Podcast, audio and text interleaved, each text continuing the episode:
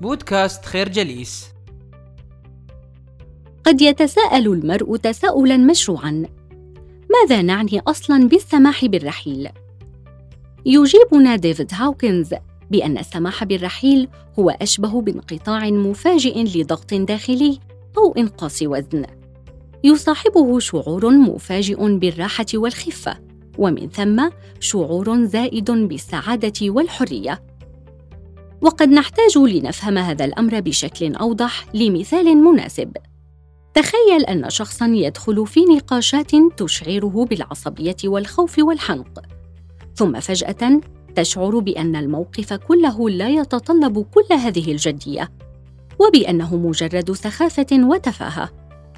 فالمؤكد أنه إذا تعامل مع أي موقف على أنه لا يتطلب كل هذه الجدية فسيشعر دوما بالحرية والسعادة.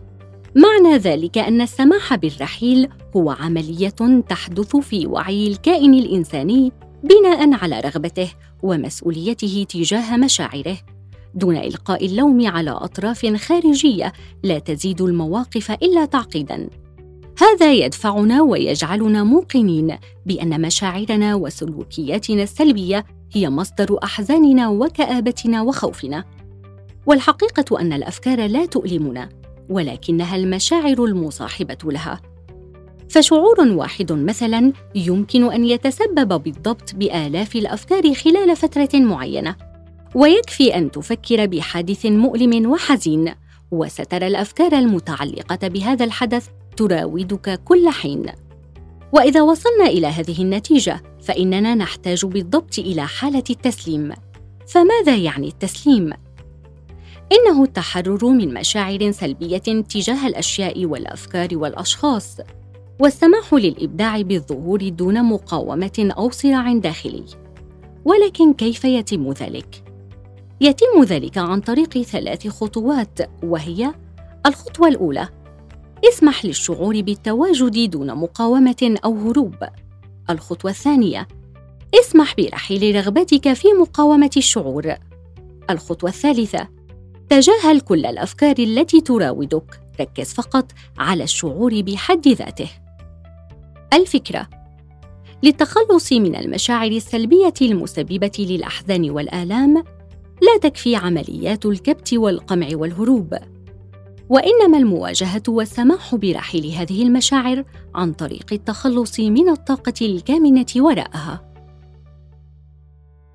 الكائن الإنساني معقد في تركيبته. لهذا مشاعره وعواطفه أيضا معقدة ومركبة. وتتداخل فيها مجموعة من العوامل والظروف. وهنا يرسم لنا ديفيد هاوكنز خريطة عملية ومثبتة للمشاعر. يمكن التأكد منها عن طريق التجربة والاختبار وهي اولا هدف البقاء. يبدو أن هدف الإنسان من خلال الأبحاث النفسية التي أجريت عليه هو هدف البقاء. أي السعي لضمان الحياة والبقاء ضمن المجموعة البشرية التي ينتمي إليها. ولهذا يؤسس الإنسان أسرته ويتوالد ويتكاثر. ولهذا فإن العقل الإنساني يعتمد آلية البقاء.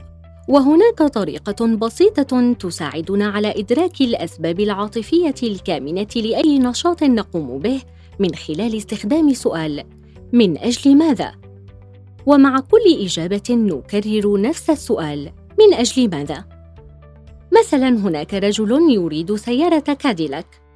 يقدم له عقله كل الأسباب المنطقية لهذه الرغبة إلا أن المنطق لا يفسرها. ولهذا يسأل نفسه من أجل ماذا أريد الكاديلاك؟ قد يكون لأجل المكانة أو الاحترام أو السعادة أو التباهي. ومع كل جواب يظهر أن هناك مشاعر عدم أمان وتعاسه وقليل من الإشباع. لا بد أن ندرك أن الأفكار كلها تحفظ في بنك ذاكرة العقل. تحت نظام يعتمد على المشاعر المرتبطة وتدرجاتها الدقيقة. هذا يدفعنا للتأكيد على أن إدراك المشاعر الكامنة والتعامل معها بشكل صحيح يحقق نتائج إيجابية على حياة الفرد والجماعة. وهنا ينصح ديفيد هاوكنز بأن يبدأ الشخص بمراقبة المشاعر دون نية فعل أي شيء تجاهها.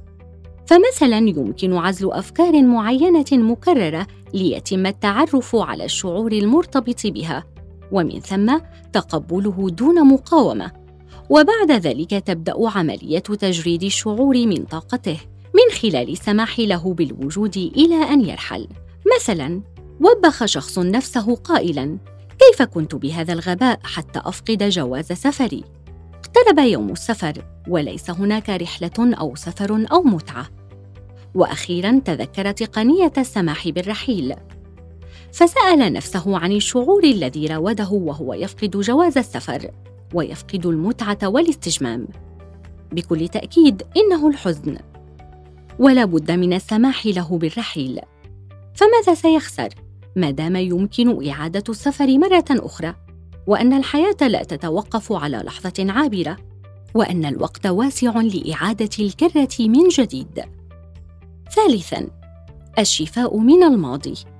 الحنين إلى الماضي هو المأزق الذي تنبت فيه الأحزان والآلام وكل الأفكار والمشاعر التي تؤثر في حياتنا سببها الماضي. من هنا فمن الحكمة أن نسأل أنفسنا هل يستحق الأمر أن نبذل كل هذا الجهد من أجله؟ ومن بين الآليات التي اقترحها الكتاب للخروج من هذا المأزق هي معالجة الماضي. أي خلق سياق مختلف ونعطيه معنى مختلفا. فنأخذ مثلا المواقف الصعبة التي صدمتنا ونرى الهبة التي تحملها في طياتها. وقد أثبتت التجارب السريرية أن المواقف العاطفية والحوادث المؤلمة ستتغير كثيرا وتلتئم إذا ما تم اضفاء معنى جديدا عليها. وهذا ما فعله الطبيب النفسي فرانكل صاحب كتاب العلاج بالمعنى. حينما أعاد تجربة معسكرات التعذيب النازية وقرأها بطريقة أخرى ليحقق انتصارا داخليا على صدمة الزنازين. الفكرة إن النتيجة الملازمة للسماح برحيل المشاعر السلبية هي أن نترك مقاومة المشاعر الإيجابية. فلكل شيء نقيضه في هذه الحياة. كثير من الناس يعانون من شعور اللامبالاة أي الإيمان بفكرة لا أستطيع. وتعني باختصار أن الشخص لا يستطيع أن يفعل أي شيء تجاه واقعه ومواقفه. إنه الإحباط والفشل. والابتعاد عن الواقع دون القدرة على مواجهته. وهذا الشعور ليس شعورا فرديا فحسب بل إنه عند معظم سكان الأرض.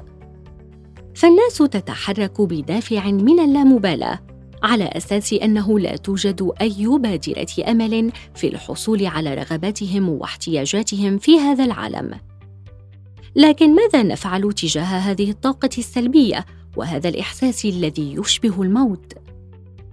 يقترح علينا ديفيد هاوكنز تذكير أنفسنا بهدفنا وهو أن نزيد مستوى وعينا وأن نتحرر أكثر فنصبح أكثر فاعلية وسعادة بالسماح برحيل مقاومة التقنية نفسها. إن اللامبالاه والاكتئاب في الحقيقة هما الثمن الذي ندفعه باعترافنا بأننا قاصرون على فعل الأشياء التي تواجهنا أو نرغب بفعلها. لكن المشكلة أنهما مجرد تعريف لذاتنا التي سمحت لها بالحدوث من دون عمد. والحل هو أن نصبح أكثر وعيا. معنى ذلك أن نبحث عن حقيقة أنفسنا بدلا من أن نسمح لأنفسنا أن تكون مبرمجة بطريقة خاطئة أو متعبة أو سلبية ونبرمجها كي تتحمل مسؤولية واقعها وأفعالها. فتحقق بذلك سلامها الداخلي. وذلك من خلال الابتعاد عن اللوم إذ أنه أحد المشكلات التي تجعلنا قاصرين بإحساسنا بعقدة الذنب. الابتعاد عن العيش في الماضي.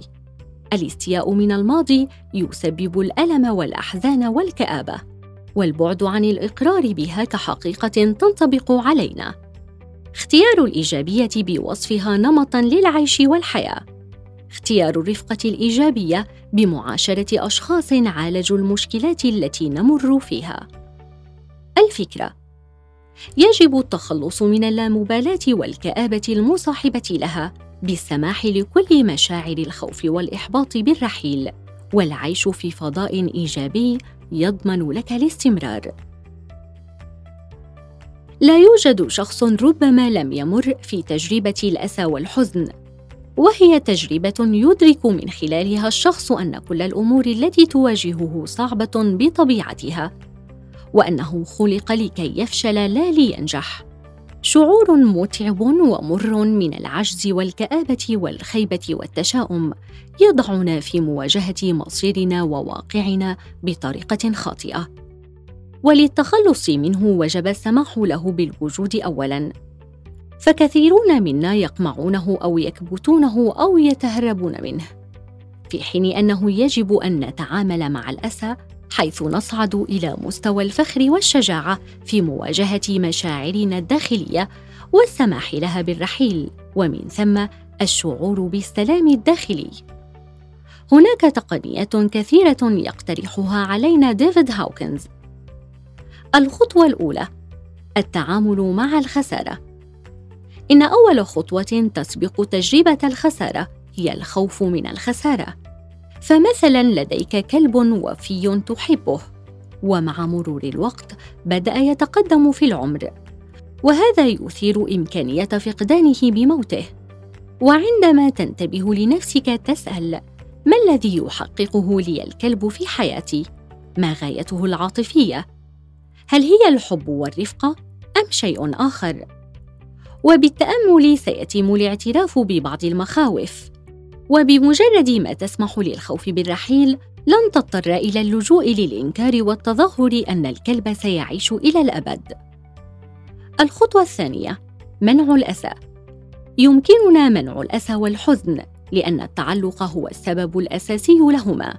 بالإضافة إلى إنكار طبيعة زوال الموجودات والأشياء والعلاقات. فعندما نعترف بكل المشاعر السلبية ثم نسمح لها بالرحيل نخرج من مرحلة القصور الإنساني إلى مرحلة الكمال الإنساني عبر تحقيق المتعة والدفء والسلام والحب والعطاء. وبهذا نصبح معصومين حقا من الخسارة والمشاعر المرتبطة بها. الفكرة لكي تتحقق ذواتنا لابد من التعامل مع الخسارة بمواجهتها. والسماح للخوف منها بالرحيل ليتحقق سلامك الداخلي وكمالك البشري. نشكركم على حسن استماعكم.